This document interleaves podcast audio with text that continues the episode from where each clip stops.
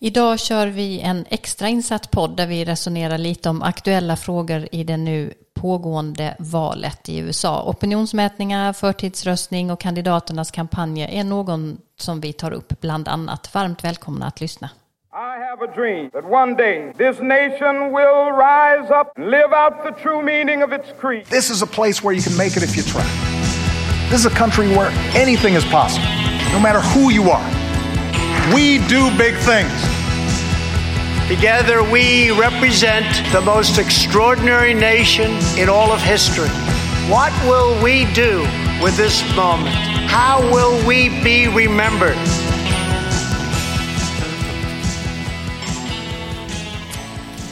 Ja, som sagt, varmt välkomna till Amerikanalyspodden. Eh, vi som gör den här podden är jag, Frida Stranne, som eh, just nu sitter i Stockholm.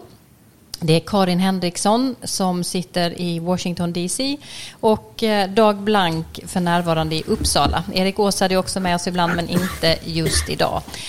hej Karin och Dag. Hej hej. Hej. hej. Um, ja, hur är läget mitt i valyran, Karin? I Washington dessutom? Ja, jo, det är jättebra. Det är inte lugn stund här. Det är full fart hela tiden. Mm, det kan jag förstå. Dag, hur är det i Uppsala? Ja, där är det alltid full fart. Mm.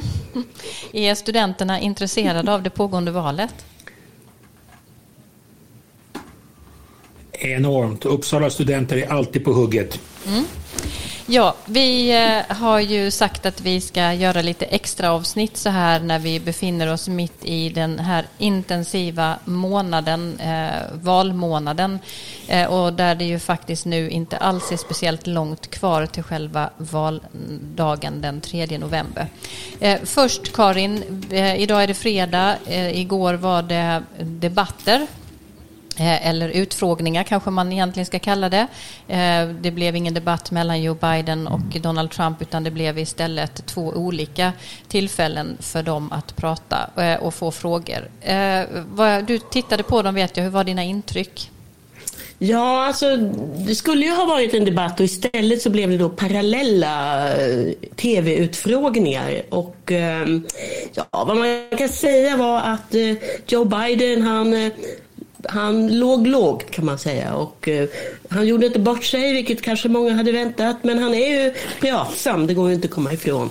Och han fick kritik för att inte svara på den här känsliga frågan om han tänker se, se till att utvidga antalet ledamöter i högsta domstolen.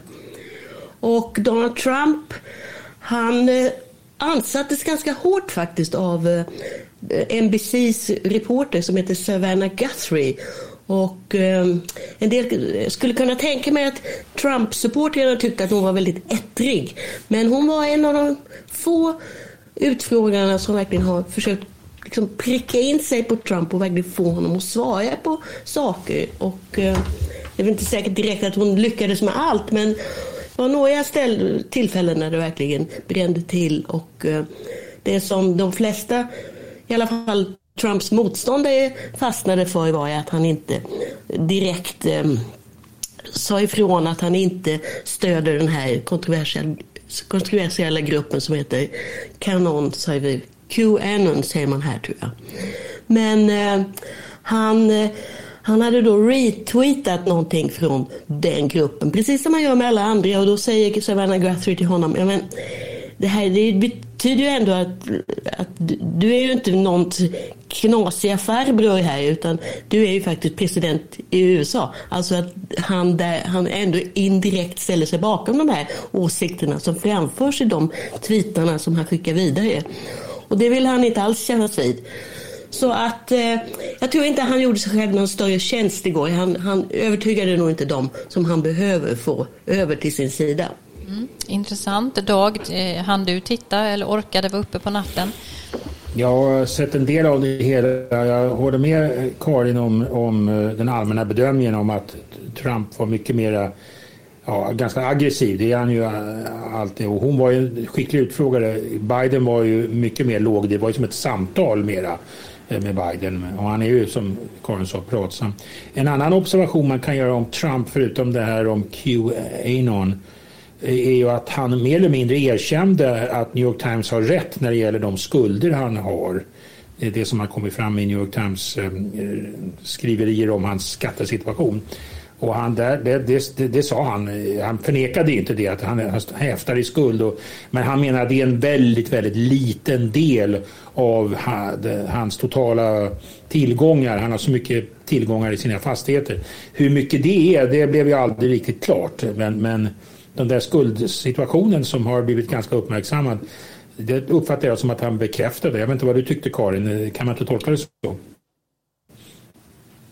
Ja, ja, det tycker jag absolut. Och, eh, och han, han liksom, och, och, men han la ju inte fram, liksom, som du säger, hur mycket de här tillgångarna är värda. Och det finns ju en del, eh, en del motstridiga bedömningar där också. Han kanske inte är så rik. Han äger ju faktiskt inte så mycket fastighet utan många är ju bara, bara att han liksom leasar dem och har liksom uthyrning, kontrakt och så vidare.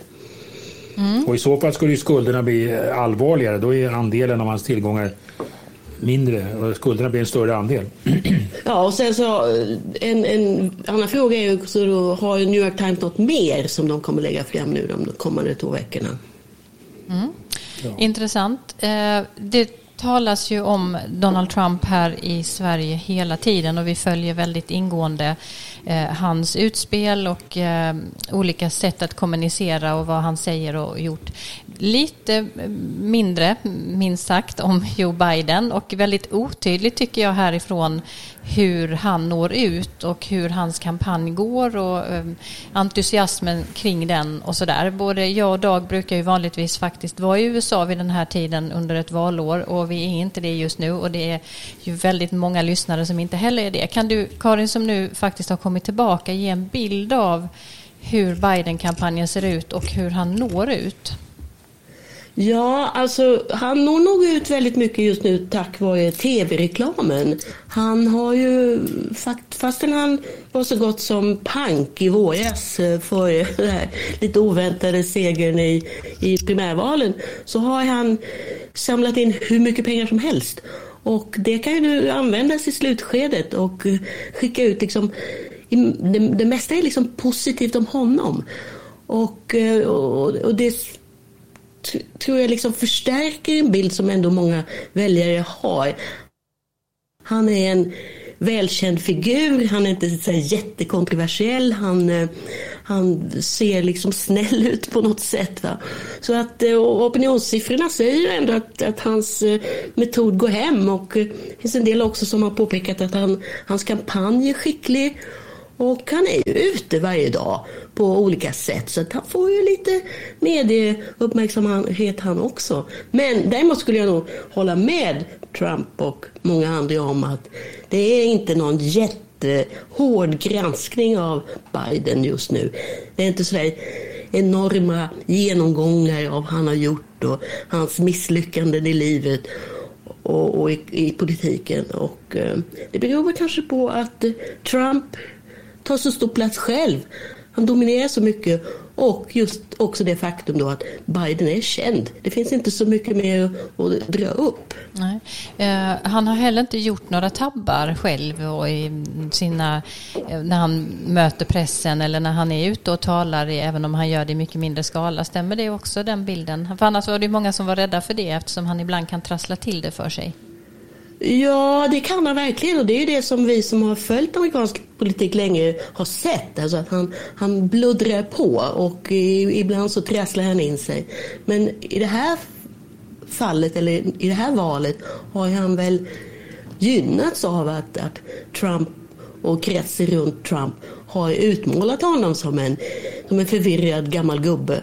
Och det har ju inte stämt. Han, han är ju en slipad, och, kanske inte slipad, det kanske är fel ord, men han är ju rutinerad politiker som kan som kan uppträda korrekt om det, om, om, om det förväntas. Och det har han ju gjort. Han, han studsar upp på scenen och ser inte alls ut som den 77, nästan 78-åring som han är. Nej, han kanske har tjänat på då att det inte heller är riktigt så högt tempo som det skulle varit om det hade varit som det brukar. Eh, opinionsmätningarna nu när vi tittar på dem så pekar de på en övertygande ledning för Biden. Eh, och på CNN häromkvällen lyckades jag fånga upp att det talades om att hans ledning i princip är ointaglig för Trump. Men Opinionsmätningar vet vi har ju missat väljare innan eh, som inte svarar till exempel eh, och ibland överdrivs tolkningarna av dem och det amerikanska systemet är ju dessutom komplicerat. Vad, vad säger ni om hur vi ska tänka om de opinionsmätningarna som vi nu har tillgång till? Dag, har du någonting om det? Ja, det är ju det vanliga att man måste skilja på nationell nivå och delstaterna så att säga. På nationell nivå så har ju, har ju Biden ökat under kampanjen. Inte minst eh, mitt intryck efter första debatten. Eller den debatt som har varit hittills. Där, där gick han fram. Och nu är det ju många mätningar som talar om att han ligger uppåt en 8, 9, 10 procentenheter, procentenheter före Biden. I, I nyckelstaterna så är det ju lite annorlunda. Där, där finns ju vissa delstater som han, som han ligger ganska bra till och vissa delstater där det är jämnt. Men det ser ju ut som en som en fördel Biden. En fråga som ju återkommer här, det har att göra med att man missade utgången förra årgången just i delstaterna. Kom ihåg att opinionsundersökningarna förra gången de var ganska korrekta när det gällde utgången av valet på nationell nivå. De förutsåg ganska precis hur det skulle gå. Men det var i de jämna delstaterna man hade fel och där har ju kommit upp en diskussion om det så kallade shy Trumpers, alltså den här frågan, alltså, vill man svara att man ska rösta på Trump? Man kanske drar sig lite för det. Va? Och det, det, är en av dem som jag tycker mycket om att läsa är han Tim Alberta som vi nu skriver i Politico. Han, han hade en intressant analys som han har åkt runt i Michigan, han är från Michigan, och tittat på skyltarna, valskyltarna på gatorna, the signs, signage analysis. Och han ser massor av skyltar för MAGA, Make America Great Again, Trump. Men han såg också många, många skyltar för Biden. Så han, hans, hans tes var att det är inga, de här shy Trump voters, de, de är inte så blyga längre. Det går att tala om att man röstar på Trump den här gången. Mm. Så då, det skulle väl då i så fall tyda på att man kan lita lite mer på opinionsundersökningar. Eh, säkert och sen samtidigt så vet vi att det finns många Trump-anhängare också som eh, inte ställer upp på undersökningar av olika skäl för att man inte vill, inte för att man skäms över att rösta på Trump kanske men att man är allmänt eh, negativt inställd till alla den typen av eh, mätningar och annat. Men jag tänker, Karin, du har ju delat en del bilder. Eh, du har varit ute och åkt också. Då har det varit eh, på sina håll väldigt mycket entusiasm över eh, Trump, bland annat. Eh, och jag tänker på en annan sak också innan jag släpper in dig om de här frågorna. Det pratas ju en del också om att det är väldigt många som har registrerat sig, många fler republikaner än demokrater i många olika delstater. Finns det risk liksom att vi missar saker här? Ja, det gör det säkert. Men ursäkta, jag var i Pensil västra Pennsylvania som är verkligen Trump country och uh, där var det ingen som var blyg över att visa sin, sin stöd för Trump. Jag har aldrig sett så stora flaggor och plakat och skyltar. Men uh, när man kom närmare då, så att säga innerstäderna, då var det plötsligt uh, Biden-skyltar. Så det där det bekräftar ju då klyftan mellan stad och landsbygd. Men, och det är ju fler som bor i städer än på landet så det är ju en annan faktor som vi inte vet hur den kommer att påverka. Men eh, det intressanta är ju ändå om Trump lyckas utvidga sitt stöd eller sin väljarkår. Och eh, jag hörde nu på morgonen här en eh, av de här så kallade pollsters som hade en panel med obeslutsamma och de, de tycker ju inte om Trumps sätt att, att vara, hans personlighet, hans sätt att, att ständigt vara på, eh, gå till attack. Och de känner sig väl trygga med Biden, även om de inte gillar då de, de, det som programmet kanske i alla avseenden med höjda skatter och så. Va? Men, eh, så att det, det är ju det som det kommer handla om också de närmaste dagarna. Huruvida Trump kommer att lyckas tilltala fler väljare och just nu ser det inte ut så. Nej, det är också det är en liten spekulativ fråga kanske, men jag tänker hur är din känsla nu när du har åkt lite igen och är tillbaka om att valdeltagandet är ju alltid nyckelfaktorn i alla val. Är entusiasmen för de två kandidaterna stor så att det kommer att få många människor verkligen att använda sin rösträtt? Det verkar ju så om man ser alla reportagen från så gott som hela landet nu när eh, vallokalerna har öppnat för förtidsröstning. Det är ju enormt långa köer överallt. Och det tyder ju på att eh, folk är, är angelägna. Och det, då, då, kommer det att bli fråga om vilka som går dit. Och det, att det är fler som republikaner som har registrerat sig. Men om man tittar på en del köer så är det inte Trump-väljare man tycker sig se.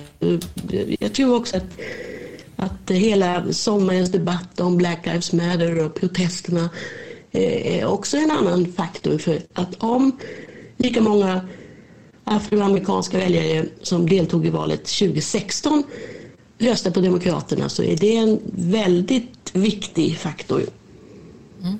Och sen samtidigt är det väl många som tänker att och tror att de som förtidsröstar just är eh, i större utsträckning just demokrater och är väl en viktig anledning till att Trump också talar om att han eh, tycker att det är osäkert och att han vill underminera eh, valet på det sättet, eller? Ja, det blir ju en av de verkliga frågorna. Trump har ju hela tiden sagt att man ska inte tro på något annat än, än de röster som läggs på själva valdagen. Och det blir ju väldigt, väldigt eh, det kan man ju tycka, men eh, det är ju inte så lätt i ett land där och uppenbarligen blir köer alltid. Och eh, många är ju angelägna nu om att rösta tidigt för att göra det nu ifall något händer senare. Mm. Men Trump går ut nu och på Twitter och eh, uppmanar folk att eh, han talar ju ofta om my people, att de ska vara ute nu och anmäla sig, eller de ska anmäla sig till för att gå ut och titta och inspektera snudd på vallokalerna. Och det är ju ett ganska nytt och grovt grepp också. Mm. Eh, och just vad jag tänkte på var att eftersom förtidsröstningen ser ut att vara ganska eh, omfattande detta valet så ökade incitamenten då för Trump att faktiskt eh, eh på olika sätt indikera att eh, det inte är säkert och eh, ifrågasätta valresultatet. Och det är ju någonting som det talas väldigt mycket om nu. Eh, att eh, Trump eh, också kan behålla makten även om han faktiskt skulle förlora. det är spekulativt dag, men kan du ändå förklara lite om vad det, här, vad det här handlar om och hur det skulle kunna gå till?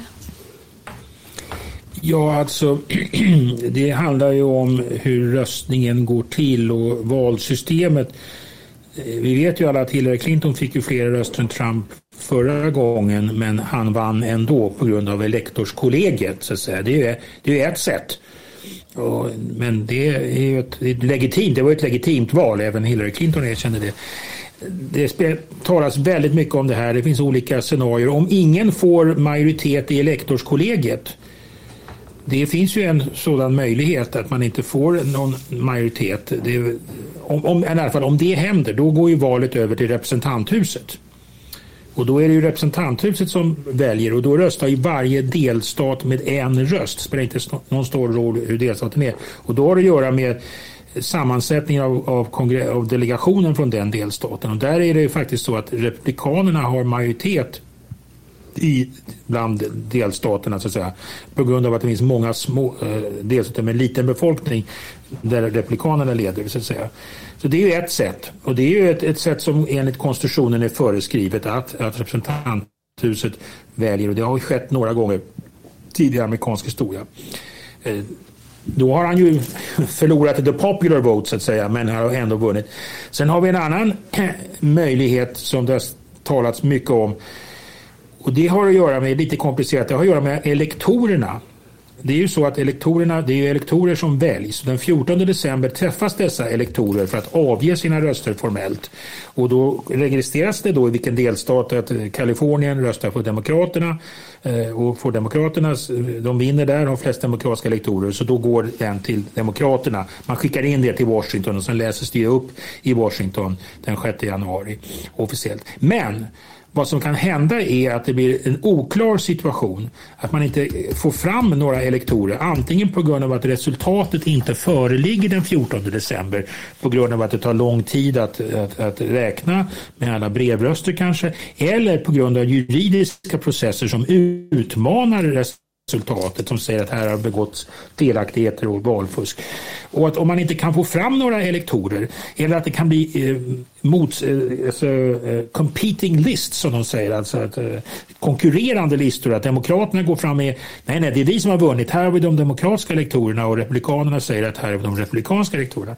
Oklarhet och att man inte kan få, och då kan inte de godkännas av delstaten och då faller man tillbaka till konstitutionen. För konstitutionen säger bara att elektorer ska utses från de olika delstaterna på ett sådant sätt som delstaterna finner lämpligt. Och idag är det så att delstaterna har funnit det lämpligt att göra det genom allmänna val.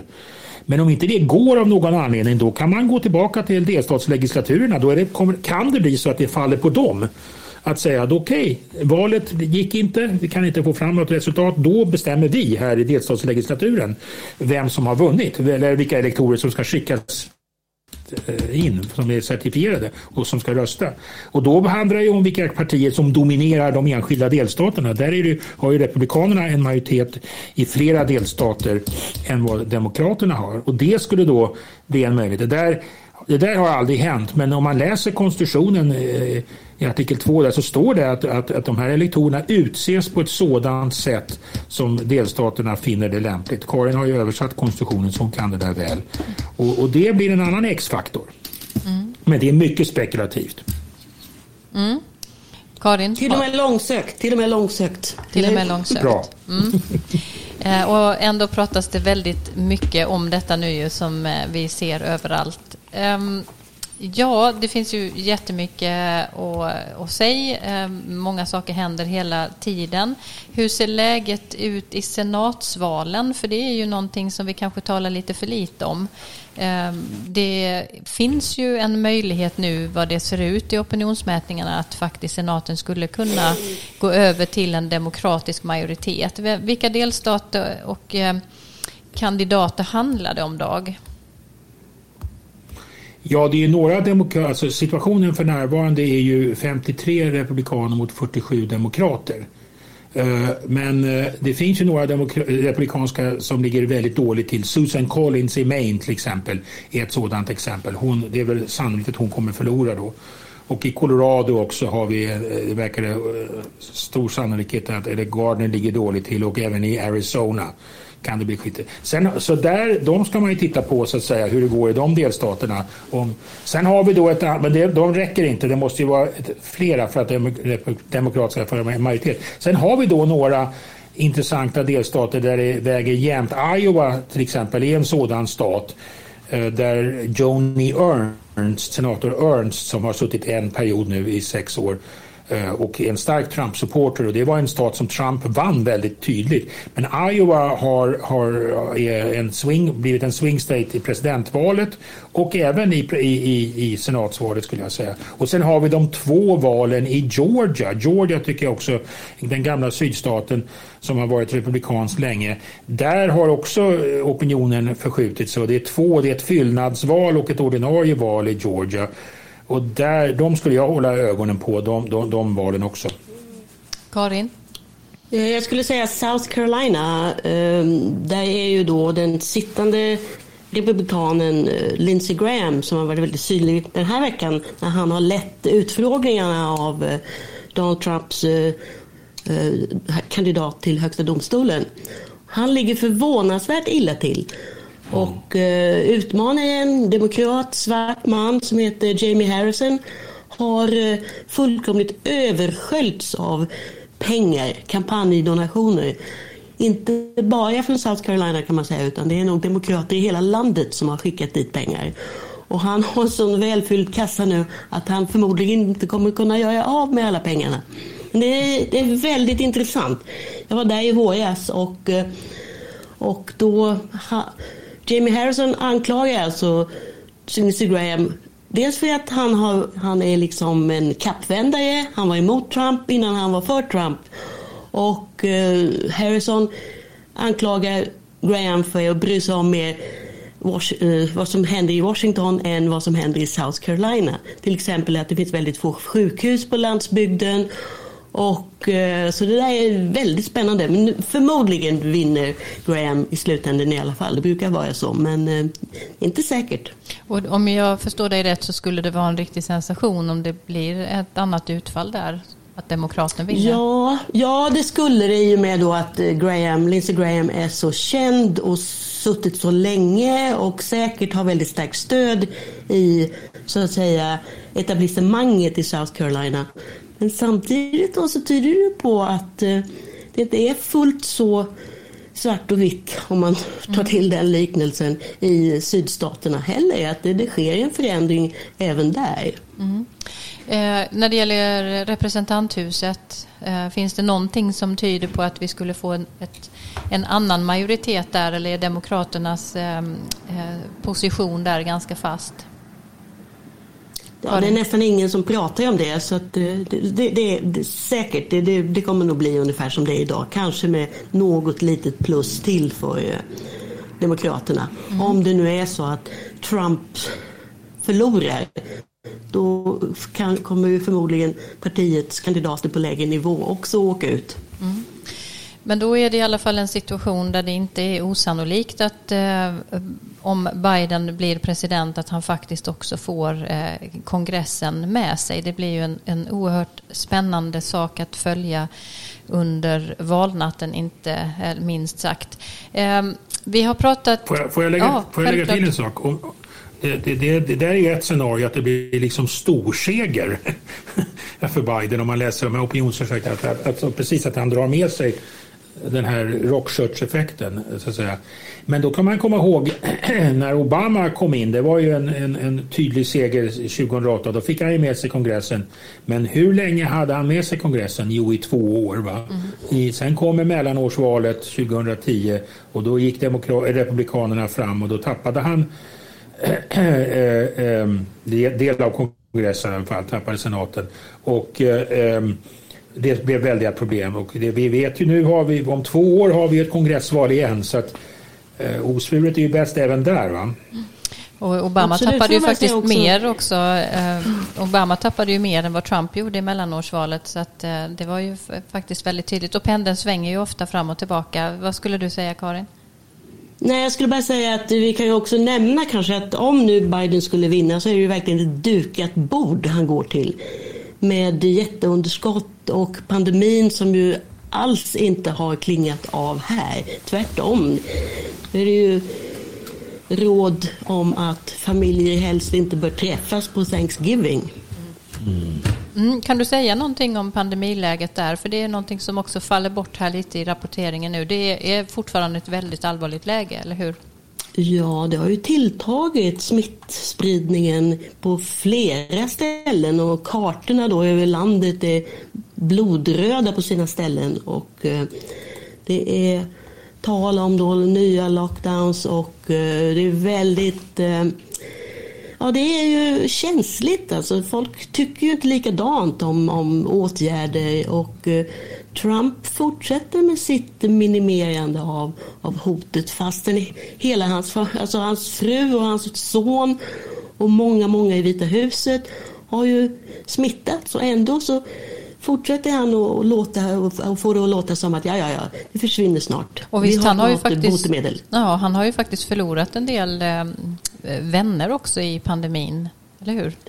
Ja, till och med en av hans nära vänner dog ganska tidigt och det verkar inte direkt ha satt några, några större spår.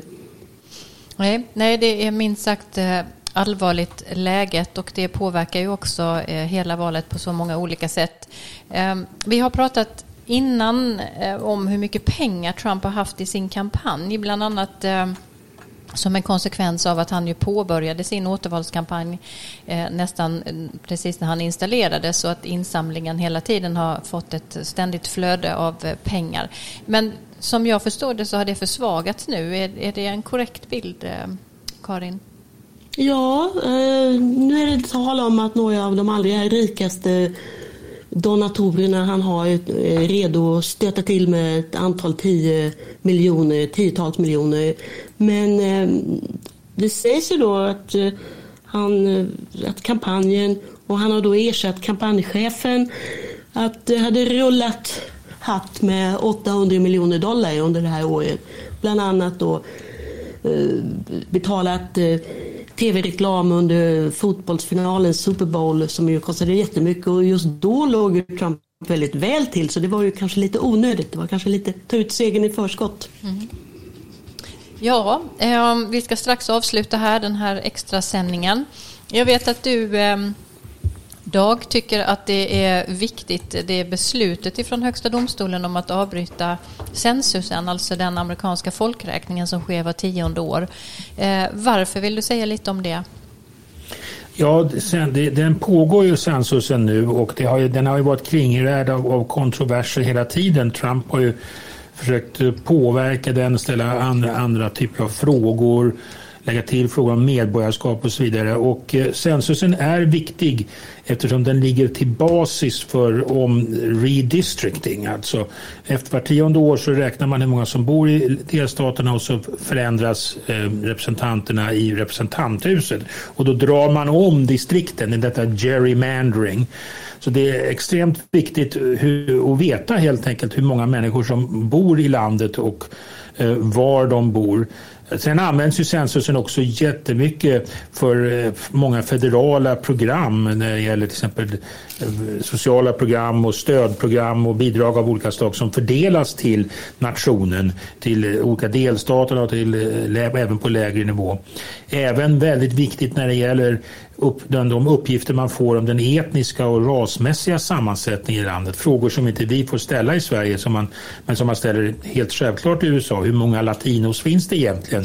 Hur stor är den afroamerikanska befolkningen? Och nu eh, har det varit en strid här, juridisk strid och, och Högsta domstolen har nu sagt att nu ska vi sluta räkna. Man hade först sagt att man skulle kunna räkna till slutet på månaden här men nu vill man avbryta redan nu och det tolkas ju då som att det finns en, en risk för att det blir en underrepresentation och att vi inte får en korrekt, korrekt bild av hur landet ser ut och att det kan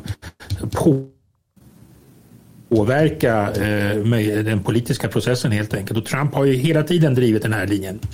Mm. Och, det, och nu har, fick han med sig domstolen att avbryta. Man säger att 99,1 procent eller 7 procent av befolkningen är räknad redan men, men det finns en viss oklarhet här och jag tror att det visar hur viktig censusen är.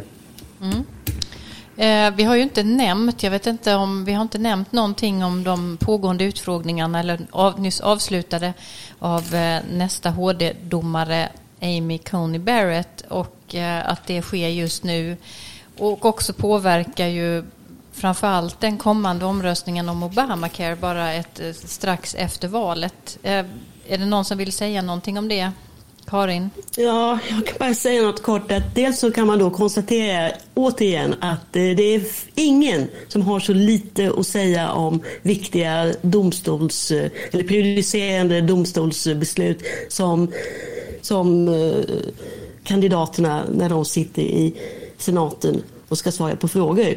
Och det gällde även Amy Coney Barrett. Men vad man kan säga är dels att folk i allmänhet tyckte att den här tillsättningen borde vänta till efter valet.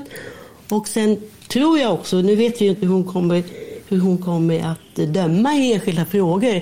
Men det man kan gissa är ju att hon inte riktigt representerar folkviljan så att säga. Hennes åsikter om sociala frågor och kanske till och med familjefrågor är inte det som amerikanska folket tycker idag. Mm. Och frågan om Obamacare det är att det faktiskt kan vara så att den eh, för reformen försvinner eller hur, vad är det som står på spel? Ja det är det ju alltså och det finns alltså de, republikanska politiker har ända sedan, den tills, ända sedan lagen klubbades försökt att riva upp den. Och det är nu då tio år de har hållit på. Och eh, det var faktiskt Högsta domstolen som, som eh, gav grönt ljus till den. Men nu är det då nya, det har varit nya utmaningar i domstol hela tiden. Och nu har det då nått Högsta domstolen och de ska höra det här målet efter valet. Och eh, ja, det kan bli så, men det finns också möjligheter att det blir någon typ av kompromiss, att det bara är en del av, av eh, lagen som rivs upp. Men vad som än sker, så om, bortsett från om den behålls, så är det ju liksom status quo. Men alla andra scenarier riskerar då att stöka till hälsovården ännu mer. Och eh, jag tror också man kan säga att Republikanerna befinner sig i en liten knipa för att eh, själva frasen lyder pre-existing conditions. Alltså, förr i världen så kunde försäkringsbolag och sjukhus vägra att ta emot patienter eller behandla, ta, ta in patienter i sina system som hade befintliga sjukdomar. Och det, detta togs bort i och med Obamacare. Och nu då så, det är det som är den verkligt stora risken här, att, eh, att folk kommer att ratas i framtiden av, precis som det var förut, av försäkringsbolagen. Och det här vill inte folk. Att det är känsligt för Republikanerna och nu försöker de säga att nej, nej, nej, det är klart vi ska ha kvar det. Och också att nej, nej, nej, Högsta domstolen kommer inte att riva upp Obamacare. Mm.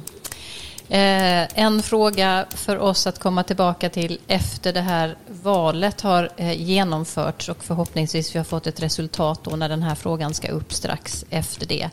Eh, jag vill, vi ska avsluta nu, eh, men jag vill passa på och eh, tipsa om en eh, serie på HBO för er som har den som heter The Comey Rule och som är en skildring av de turbulenta händelserna kring 2016 års presidentval och det som hände där och som speglar två av de mäktigaste figurerna i Washington vid tiden, Comey och Trump, FBI-chefen Comey och Trump.